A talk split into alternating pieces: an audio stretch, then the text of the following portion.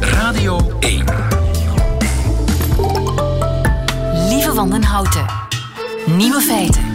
Dag en welkom bij de podcast van Nieuwe Feiten, geïnspireerd op de uitzending van 24 januari 2020. In het nieuws vandaag dat de wetenschap er eindelijk uit is. Zo maak je de perfecte espresso.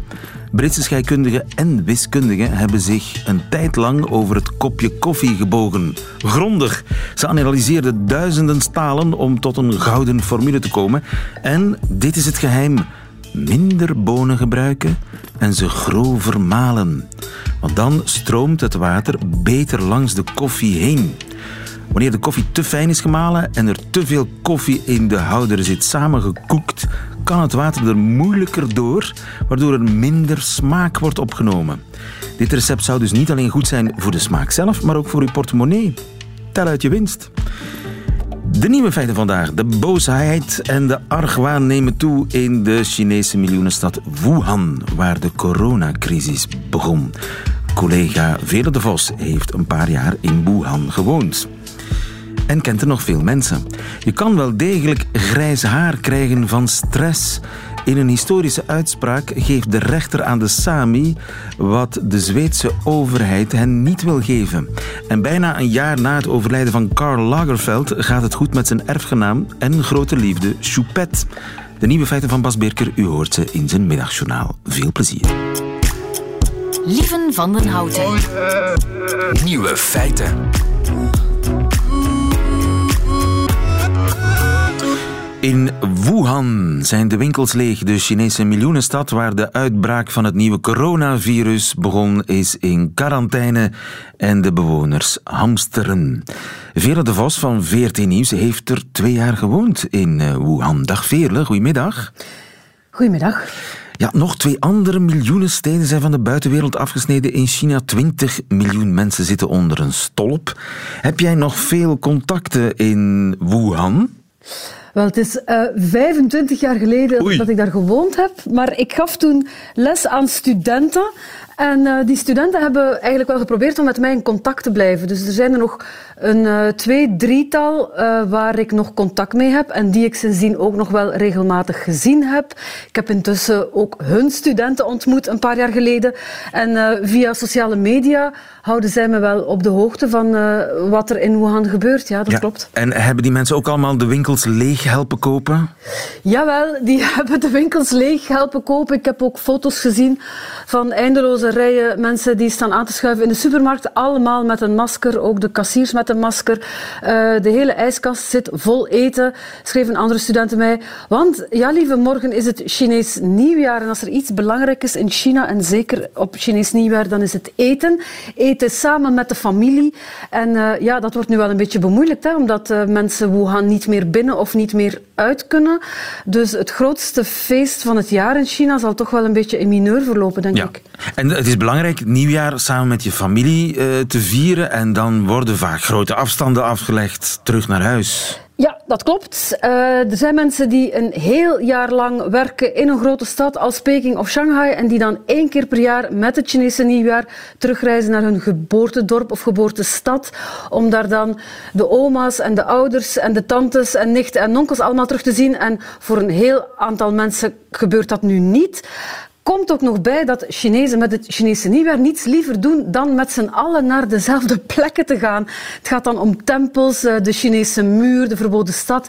Ik denk dat je ook wel die beelden hebt gezien van massa Chinezen allemaal tezamen. Dat is wat ze doen met het Chinese nieuwjaar, want iedereen heeft vakantie. En dat kan u niet. En dat kan u niet in het hele land. Want bijvoorbeeld de verboden stad gaat op slot. Klinkt een beetje tegenstrijdig. Uh, Ja. Vroeger kon er ook niemand binnen, maar ehm, tegenwoordig zijn er toch een, ja, een kleine 100.000 bezoekers per dag. Dus eh, dat lukt niet. Eh, de tempels eh, gaan dicht. Dus ja, het wordt, ik zei het al, het wordt Chinees nieuwjaar heel erg in mineur dit jaar. Ja, dus ze menen het kennelijk wel, de Chinezen. De overheid pakt de zaak nu echt wel heel strak aan. Dat klopt, maar um, de, de, contacten die ik in Wuhan heb, uh, zeggen toch allemaal: het is eigenlijk ja, veel te veel, maar veel te laat. Hè. Er, een, maand geleden al verschenen de eerste beelden, heb ik zelf ook gezien op sociale media, van uh, mensen die gecontroleerd werden op een vliegtuig in Wuhan, om, omdat ze koorts zouden hebben. Uh, iedereen wist dat dat virus er was, maar de overheid heeft heel lang gedaan alsof haar neus bloedde. En ik moet zeggen, eigenlijk ook de nationale media nog altijd. Hè. De openbare omroep gisteren had een, uh, begon het nieuws twintig minuten lang met de president die overal op bezoek ging, op grote banketten uh, toosten op het nieuwe jaar van de rat. Niemand droeg daar een masker, terwijl intussen uh, de hele bevolking wordt opgeroepen om een masker te houden. Het ging alleen maar over, ja, over, over voorspoed en het gelukkige nieuwe jaar. En pas na twintig minuten werd er dan eigenlijk een klein bericht voorgelezen over dat coronavirus. Dus, dus de media ja, schuiven is... het nog een beetje onder de mat? Ja, de nationale media wel. Um, lokale media en, en iets, zal ik zeggen, onafhankelijkere media, bestaat eigenlijk niet in China, want er is altijd censuur, hebben nu wel even, ja, op dit moment, sinds, sinds de overheid een paar dagen geleden heeft toegegeven dat er een probleem is, kan er wat meer. Vandaar ook dat ik op Chinese sociale media merk dat er nu van alles boven komt en dat mensen eigenlijk maar over één ding praten, dat is dat virus. Ja. En het feit ja, dat er zo lang over gezwegen is en dat nu ineens ja, het misschien wel uh, te veel, uh, te laat is. Om, om een klein voorbeeld te geven, op 1 januari januari zijn er in Wuhan nog acht mensen opgepakt voor het verspreiden van valse informatie. Het ging dan over dat virus. Ja. Dus uh, de censuur is heel erg aangespannen tot het laatste moment. En dan plots uh, wordt de kar gekeerd, of uh, een deel ja. van de kar. Maar ja, dat maakt mensen toch wel heel erg boos eigenlijk. Boos en waarschijnlijk geeft dat ook voedsel aan allerlei wilde theorieën over dat virus. Ja, bijvoorbeeld. Hè, ik las iemand op sociale media die zich afvroeg of het klopte dat er intussen al 10.000 mensen in Wuhan besmet zouden zijn. Uh, het officiële cijfer is 600. Uh, wat je wel of niet mag doen, daar gaan ook allerlei wilde geruchten over de ronde. Men, mensen weten niet wie ze kunnen vertrouwen. Ze vertrouwen ook de officiële media niet, dus gaan ze inderdaad af op geruchten, op wat de kennissen en vrienden hen zeggen. Maar dat maakt dat je ja, toch een soort, uh, ik zal niet zeggen paniek krijgt, want echt paniek is er niet, maar een hele vervelende situatie en ook heel veel boosheid ja, over uh, iemand die zei, ja, we hebben nu al 5G, we, we hebben artificiële intelligentie, maar als het gaat om virusbestrijding, dan lijkt het alsof we nog in de middeleeuwen leven. Ja. Dus ja, toch wel wat kritiek ook op, op de overheid en op de bureaucratie in China. Ja, dat is dan de informatiestroom, de maatregelen zelf, de quarantaine en zo. Ze zijn van, van niets naar alles gegaan. In één keer mag niks meer. Mensen mogen de stad niet meer uit. Uh, mogen ze nog gaan werken? Uh, iedereen heeft vakantie vanaf vandaag, lieve. Dus uh, het Chinese nieuwjaar is, uh, is er voor iedereen. dat wil zeggen, ja, dus iedereen blijft thuis. Scholen zijn ook dicht. Komt eigenlijk ook goed uit tot begin februari alvast. De mensen die natuurlijk wel nog moeten werken zijn de dokters en de verpleegsters. En ik heb ook beelden gezien van ziekenhuizen in Wuhan, van woedende dokters die zeggen, ik kan het niet meer aan, het wordt te veel. Overspoeld, wel, die ziekenhuizen. Ze worden overspoeld. Ja, wat ze dan wel kunnen, de Chinezen, is waar ze nu mee bezig zijn, is in Wuhan een ziekenhuis te bouwen voor duizend mensen. En dat moet opengaan op maandag. Dus ze gaan wel oh, tijdens het weekend... Ook dat is China. Ook dat is China, ja. Ze gaan dus tijdens het weekend een volledig ziekenhuis optrekken. Dat zal dan wel met barakken en zo zijn. Maar tegen maandag moet dat opengaan en moet er plaats zijn voor duizend mensen die dus met dat virus besmet zijn. Ja, jij kent het land uh, zeer goed. Denk je dat China dit onder controle krijgt? Um, ik denk dat ze het onder controle zullen krijgen, maar wanneer weten we niet. Hè. Ik denk dat we nog heel erg weinig weten over het virus, hoe agressief het is. Uh, ik heb zelf plannen eigenlijk om in de lente naar eh, China, naar Hongkong te gaan. En een eh, Chinese vriendin zei me van ja, reken er niet op dat het in de lente zal opgelost zijn. Een ander aspect waar het toch ook mee te maken heeft en waar nu ook heel erg op de nadruk op ligt, is um, het, het, eten van, van vreemde dieren, lieve. Ik weet dat, dat uh, je de eetgewoonten van de Chinezen, dat jou dat bijzonder interesseert. Absoluut. Um, het, de, de oorsprong van het virus is nog niet ontdekt, hè. dat is een van de problemen, maar het zou komen van illegaal verkochte dieren. Dieren die niet verkocht mochten worden op de markt van Wuhan. Wat wordt er op die uh, markt in Wuhan zoal verkocht? Ik heb een lijstje gezien. Egels, vossen, kamelen, slangen. Slangen vind je wel vaker in China, maar ook vleermuizen. En er circuleren nu allerlei Als voedsel, ja, het speciaal aan vleermuizen is ook het, uh, het uh, Chinese woord voor vleermuis is bien fou. Fou, hetzelfde karakter als geluk. Wat moet je doen als het nieuwe jaar nadert? Dat is geluk zoeken. En dus worden er blijkbaar vleermuizen gegeten. gegeten. Ik heb het zelf nooit gezien in China, maar ik zie de beelden nu ook circuleren. En daar is ook heel veel kritiek op. Eigenlijk mag dat niet in China. Je mag dat soort dieren niet meer verkopen. Ook heel veel zeldzame dieren die nog verkocht worden om op te eten. Maar ja, die wetten worden niet zo heel strikt nageleefd. In tegenstelling tot de censuurwetgeving, die wel heel streng in het oog wordt gehouden, worden er voor dat soort dingen oogjes dichtgeknepen. Ook al omdat, ik, ik noemde al slang, uh, wordt ook gebruikt in Chinese geneeskunde. Daar zit heel veel geld achter, zitten bedrijven achter. Dus dat is ook een van uh, de dingen die nu op sociale media opduiken. Petities om te zeggen, laten we in China nu eindelijk eens ophouden met ja, onze zeldzame dieren, onze wilde dieren op te eten. Ook dat maakt deel uit van uh, deze coronacrisis, als we dat zo mogen noemen, om op langere termijn een herhaling van dat soort crisissen te vermijden. We zullen zien hoe een en ander afloopt. Dankjewel, Vele de Vos. Goedemiddag.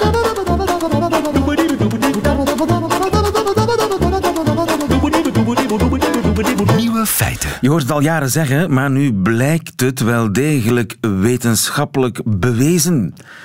Je krijgt wel degelijk grijs haar van stress. Esther Hoste, goedemiddag. Goedemiddag. Je bent uh, moleculair bioloog aan de Universiteit van Gent. Ik krijg er grijs haar van. Dat is een uitdrukking ja. als iets je mateloos op de zenuwen werkt. Maar voortaan is dat letterlijk te nemen, blijkt uit onderzoek. En dat is wel grappig. Onderzoek op muizen. Geen grijze muizen, mag ik hopen. Inderdaad. het zijn uiteindelijk grijze muizen geworden, geworden, Maar daarom is natuurlijk niet waarom we het gedaan hebben. Ja, het waren zwarte muizen die grijs geworden zijn. En heb jij dat onderzoek gevoerd? Ik heb dat onderzoek niet gevoerd. Er zijn collega's uit Harvard University die dat gedaan hebben. En die hebben een heel intelligente studie ontwikkeld om dat eigenlijk te gaan onderzoeken waarom stress nu leidt tot grijs haar. Hebben ze donkerharige muizen onder stress gezet? Ja, inderdaad. Ze hebben dat gedaan op verschillende manieren. Dus psychologische stress, maar ook fysieke stress. Hoe brengen muizen onder psychische stress? Uh, ze hebben de muizen eigenlijk uh, ja, geïmmobiliseerd. Dus gezorgd dat de muizen uh, een viertal uur op een dag niet konden bewegen. En voor een muis is dat een zeer stresserende situatie. Oh. Inderdaad, ja, dat is. Licht op die manier flitsen, schudden met de kooi, vochtige bodembedekking, alle mogelijke ja, ja. martelpraktijken. Alles voor de wetenschap? Het valt wel mee. Ja, geen muis is overleden. praktijken. Nee, uh, niet tijdens het experiment. Dat gaat inderdaad niet toegestaan zijn. Maar het zijn mooie technieken om aan te tonen dat zijn ook stresserende situaties voor muizen in het wild. Dus het houdt wel steek om dat soort dingen uh, ja. toe te passen. En werden ze grijs? Ja. Ze werden grijs. Dus wat ze eigenlijk gezien hebben, is dat wanneer de muizen onder een acute stress werden gezet, dus die dingen die ik daarnet beschreef, zijn redelijk acuut. En dan hebben ze gezien dat die muizen dus inderdaad grijs werden. En bleek dat dat komt doordat ze een bepaald soort zenuwstelsel activeerden. Dus dat is uw sympathisch zenuwstelsel. Ja. Je kan dat eigenlijk een beetje zien als een gaspedaal in je lichaam. Wanneer je dus onder zware stress komt, hebben we wat we noemen een fight-or-flight reactie. Dus een vecht- of vluchtreactie. En het is dat zenuwstelsel dat een bepaald soort neurotransmitter aanmaakt. Die noemt noradrenaline. En dat is een stresshormoon, dat wisten we al lang. En ze hebben eigenlijk aangetoond dat dat stresshormoon is dat verantwoordelijk is voor het grijs haar van de muizen. Dus uw nieuwe haar krijgt geen kleur meer. Je bestaande haar, haar houdt zijn kleur natuurlijk.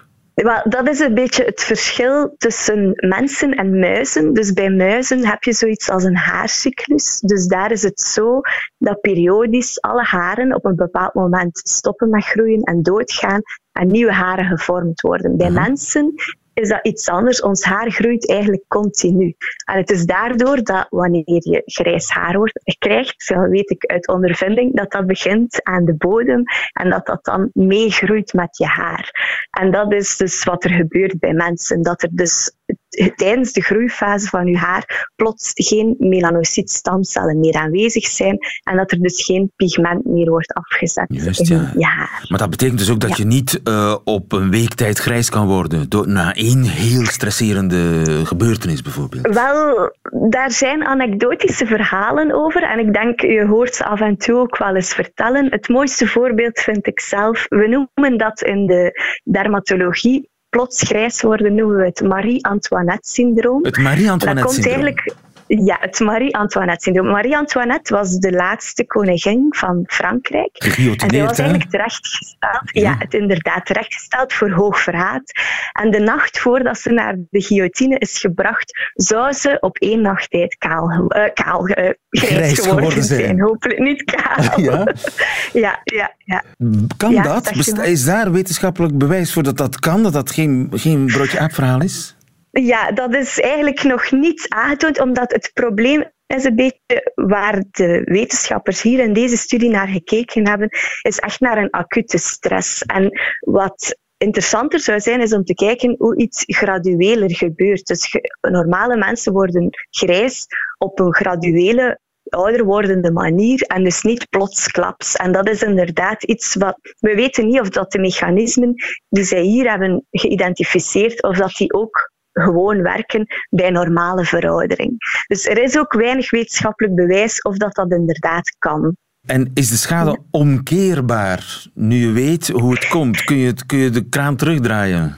Ja, dus ze hebben aangetoond dat de schade eens er is permanent is. Maar wat je wel zou kunnen doen, is het voorkomen. En dat hebben ze ook gedaan in die studie. Ze hebben bijvoorbeeld ehm, bepaalde pijnstillers gegeven aan, mensen, eh, aan de muizen, waardoor dat die dus niet meer grijs werden. Dus op die manier konden ze het wel voorkomen. Maar eens de schade gebeurd is, kan je ze niet terugdraaien. Die cellen zijn dood natuurlijk- en dus zijn ze dood. Maar kun je op die manier de natuurlijke vergrijzing ook stoppen?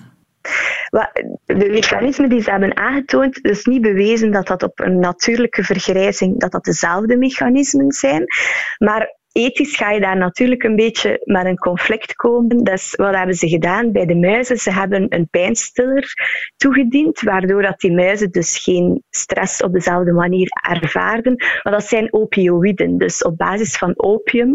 Dus om nu te gaan zeggen van eh, we gaan de mensen voor ze grijs worden op verslavende opiumderivaten gaan plaatsen om niet grijs te worden, dat ik denk niet dat dat erdoor gaat komen. Ja, eh, dus eh, dat, dat lijkt mij niet opportun. Ja, nee. maar je hebt ook potjes hè, om je haar te kleuren. Mensen die dat liever niet zien, dat Ja, grijze haar. inderdaad, inderdaad. Daar zijn Ja, simpelere ja, maar oplossingen. Het is, het is, inderdaad, ja. Het is ook wel interessant om na te denken over het evolutionair voordeel van ouder worden. Dus wij biologen denken altijd, als de natuur iets ontworpen heeft, dan zal dat ook een functie hebben. Dus Er moet een voordeel zijn aan grijs een haar. voordeel zijn. Ja, en dan hebben ze. Er zijn studies, bijvoorbeeld bij de zilveren gorillas.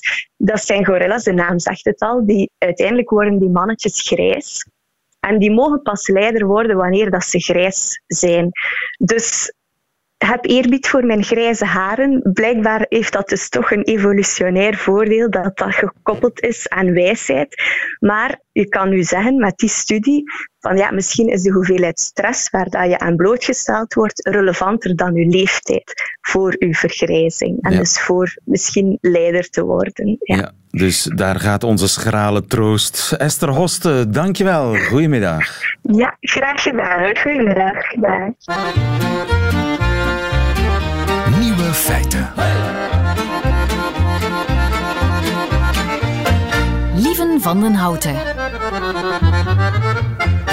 De Zweedse overheid heeft voortaan niets meer te zeggen over de jacht en de visvangst in een stuk van Noord-Zweden. Jagen en vissen is daar nu volledig in handen van de Sami, de oorspronkelijke bewoners. Zij zijn het die de vergunningen zullen uitdelen in een ja, jachtgebied dat dubbel zo groot is als Limburg. Een beslissing van het Zweedse hoogste gerechtshof. Marcel Burger, goedemiddag. Goedemiddag. Die uitspraak is eh, definitief. Oh, Ja, kan geen beroep meer tegen aangetekend worden. En komt erna een juridische strijd die meer dan tien jaar geduurd heeft. Hè? Ja, klopt inderdaad. De Zweedse staat die is zich eigenlijk aan het beraden, want het is eigenlijk een enorme tegenslag voor Zweden, althans voor de staat.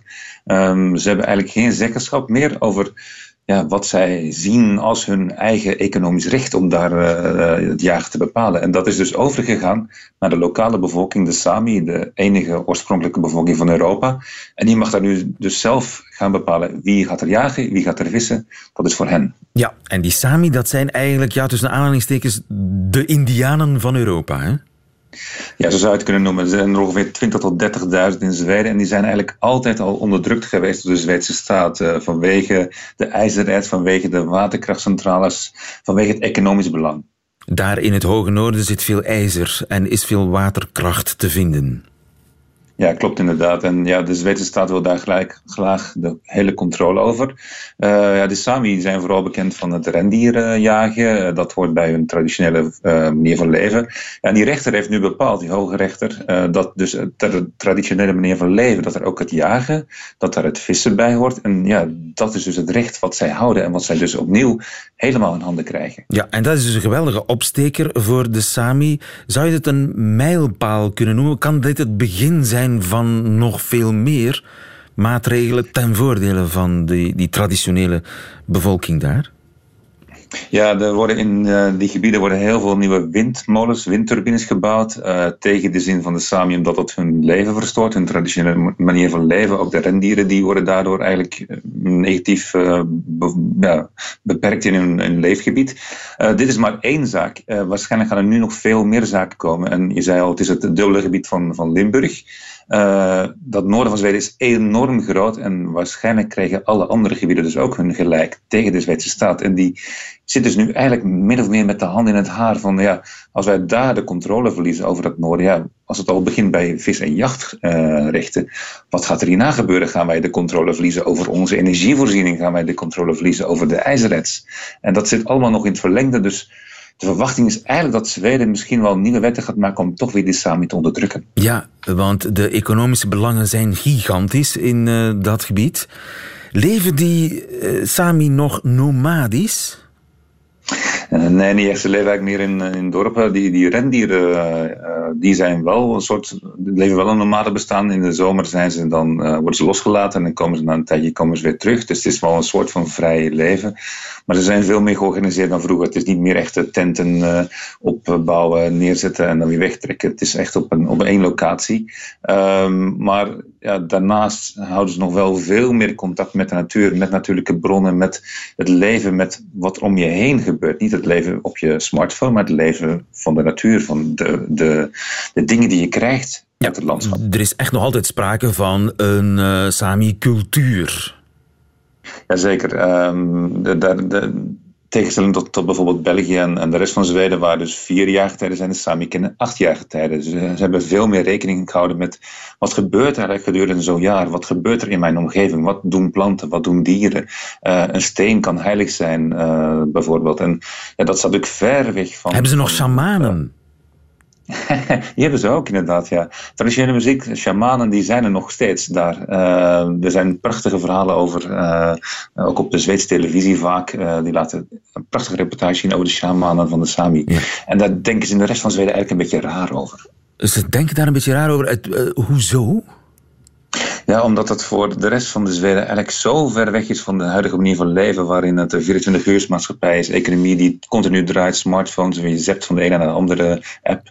En dat doen die Sami eigenlijk dus niet. En dat vinden veel Zweden maar raar. En ook de, dus de regering, en ja, die zit dus nu te denken van, allee, ja. Hoe moeten wij verder? Hoe moeten wij nu verder? Want ja, je hebt het culturele aspect en er is een traditie in Zweden om die Sami-cultuur ja, weg te vagen. Die Sami moesten vroeger geassimileerd worden, pas sinds de jaren zeventig is dat gestopt en, en krijgen die Sami culturele erkenning. Maar ja, als ze aan de economische belangen komen, dan moet de cultuur het vaak afleggen, hè? Ja, als ze aan de economische belangen komen, moeten ze het zelf vaak afleggen. Vergelijk het bijvoorbeeld met Noorwegen, waar ook Sami leven, heel veel. Die, daar is een soort Sami-parlement. En het Sami-parlement heeft echt een raadgevende functie. De Noorse regering luistert naar. Maar zijn daar, daar zijn toch oliebronnen, maar die, die, die komen niet in concurrentie met de traditionele jacht- en visvangst? Natuurlijk. Ja, de meeste oliebronnen zijn natuurlijk buiten, buiten in de Noordzee. Ja, inderdaad. En er is wel waterkracht in Noorwegen, maar de Noorden hebben een betere balans gevonden met de Sami. De Zweden hebben eigenlijk altijd gedacht van ja, die Sami dat is een, een minder, minder iets. Dat laten we gewoon even gaan en daar gaan we onze eigen rechten over bepalen. Ja, en dat is nu afgelopen met de huidige rechtspraak. Ja, een mijlpaal. Die uitspraak van het Zweedse Hoge Rechtshof. Dat moet toch gezegd, het zijn de Zweden zelf, zij het dan de rechterlijke macht, die in deze een belangrijke knoop heeft uh, doorgehaakt. Duidelijk, dankjewel Marcel Burger.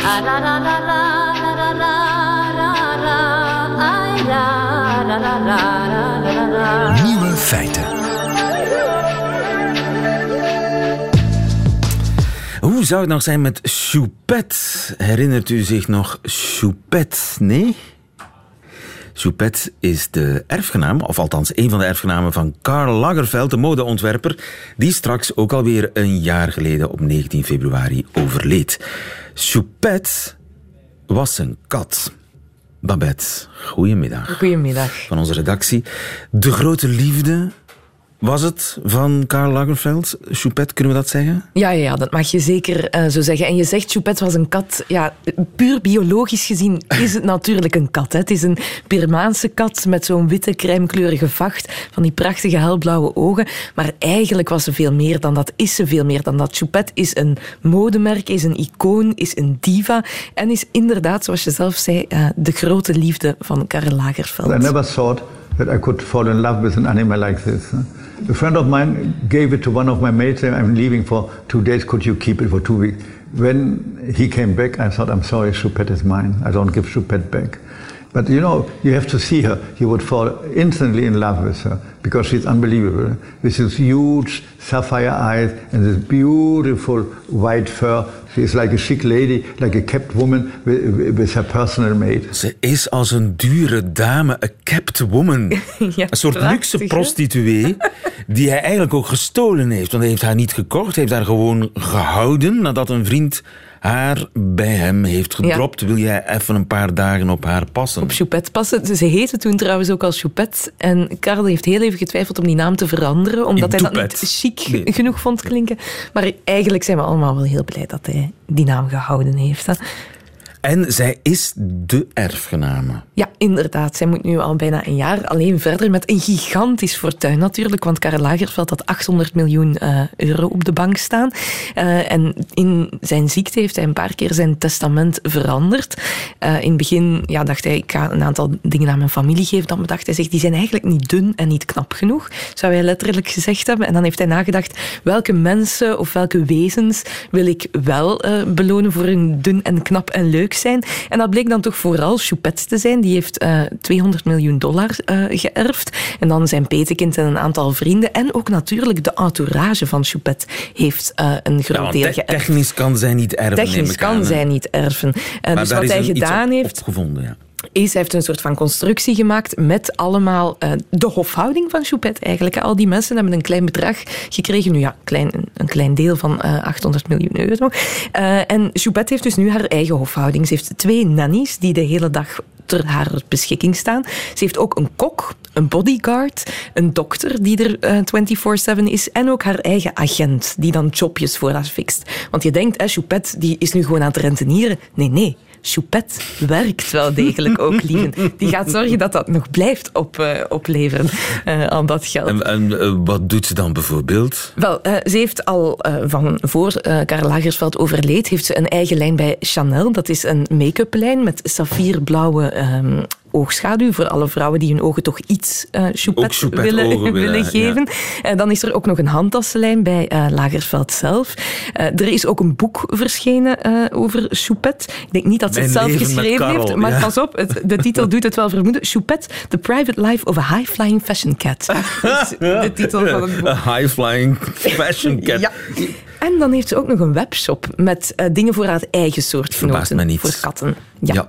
En dus het gaat goed met haar. Dat is eigenlijk de conclusie. Het gaat heel goed met haar. Nu, we weten allemaal, geld maakt niet gelukkig. En dan is er toch één Amerikaanse journalist geweest die is eens gaan polsen bij de woordvoerder van Choupette. Want dat heeft ze natuurlijk ook hoe het met haar emotionele zijn gesteld is. A spokesperson for the cat says, quote, she is coping with the loss the best she knows how, but at a young age and being a cat, that is challenging. Ja, we zouden dus bijna vergeten, ze is ook in de rouw. Ja, tuurlijk. Nog steeds. Nog altijd, uiteraard. Maar ze heeft een woordvoerder. En een... En kattenwijn. Moet je maar eens opzoeken op de webshop van Choupette. Er bestaat zoiets als kattenwijn en kattenkava. Dus dan denk ik, komt het wel goed met Choupette. Ik heb even geen woorden meer. Dankjewel, Babette. Nieuwe feiten. Dat waren ze, de nieuwe feiten van 24 januari. Dit zijn de nieuwe feiten van Bas Birker. Nieuwe feiten. Middagjournaal. Liefste landgenoten, mijn dochtertje van vijf leeft in co-ouderschap. Niet dat haar moeder en ik uit elkaar zijn of zo, maar we proberen heel het opvoedgebeuren wel samen te doen. Dat gaat met horten en stoten. Om zelf de seksuele inkopgrap maar te maken, na acht jaar samen is het natuurlijk meer horten dan stoten. Opvoeden is eigenlijk niet zo moeilijk. Een kind is een zoogdier en zoogdieren trekken hun plan wel. Elke dag wat boterhammen, fruit en een al dan niet zelfgekookt maaltje erin en het groeien zit alsnog. Volwassen communiceren met je kleuter stimuleert weerbaarheid en taalvaardigheid. School zorgt voor structuur, educatie en beweging. De iPad doet de rest. Zo nu en dan lijkt er een update van onze kleuter niet helemaal goed te installeren. Als een paar keer aan en uitzetten niet helpt, is het van belang dat wij, als daar programmeurs zijnde, even een appje extra installeren om alles weer vlot te trekken. Belangrijk daarbij is om bij één besturingssysteem te blijven. Apple en Windows combineren zorgt voor meer bugs dan oplossingen. Zo ook bij kleuters. En dus overleggen vrouwlief en ik over een strategie en proberen we die consequent toe te passen. Lastig voor twee mensen met elk een totaal eigen leefwereld en een klein mens dat daar een mix van is. Lastig, maar haalbaar. Eind mei kwam er een kink in de kabel. Niet dat we uit elkaar wilden, maar door drukte van beide in de co-ouderschap betrokken partijen was degelijk overleg praktisch moeilijker. En dus deed ik wat ik dacht dat het beste was en mijn lief ook. Ook al was dat niet per se hetzelfde. Het gevolg laat zich raden, onze kleuter werd af en toe een stuurloos schip. Toen onze oogappel in de afgelopen maand steeds brutaler werd en moeilijk deed over alles in het algemeen en eten in het bijzonder, wisten we dat de maat vol was. Tijd om te herpakken. En daarmee bedoel ik onszelf, het Centraal Commando, de Kleutercoalitie. Acht maanden is lang. En dan heeft onze kleuter niet eens een miljardenbegroting, tienduizenden werknemers en een enorme verantwoordelijkheid op het gebied van milieu, infrastructuur en sociale zekerheid. Weet u wat dat wel heeft? België. Maar dat dierbaar kindje wacht nog steeds op het moment dat zijn ouders inzien dat het kind gewoon doet wat hij afkijkt van zijn ouders. Inzicht heet dat. Zelfinzicht ook. Het is tijd om te erkennen dat onze volksvertegenwoordiging niet geschikt is voor de rol van verantwoordelijke ouder. Misschien moet België ook gewoon co-ouderschap. Een weekje bij links in Namen, een weekje bij rechts in de stad. Als we af en toe een boterham krijgen, trekken wij ons plan wel.